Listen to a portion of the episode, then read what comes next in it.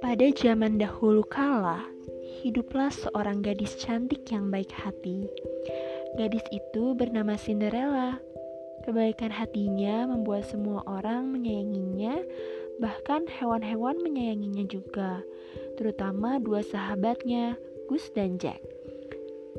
Mereka mau melakukan apa saja untuk Cinderella sahabatnya. Cinderella hidup bersama ibu tiri dan dua saudara tirinya yang bernama Anastasia dan Drizella.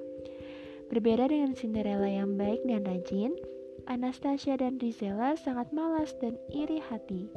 Mereka menyuruh Cinderella mengerjakan semua pekerjaan seperti membersihkan rumah, menjahit, memasak, dan berkebun.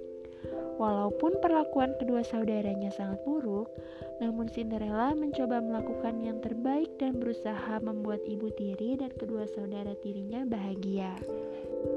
thank you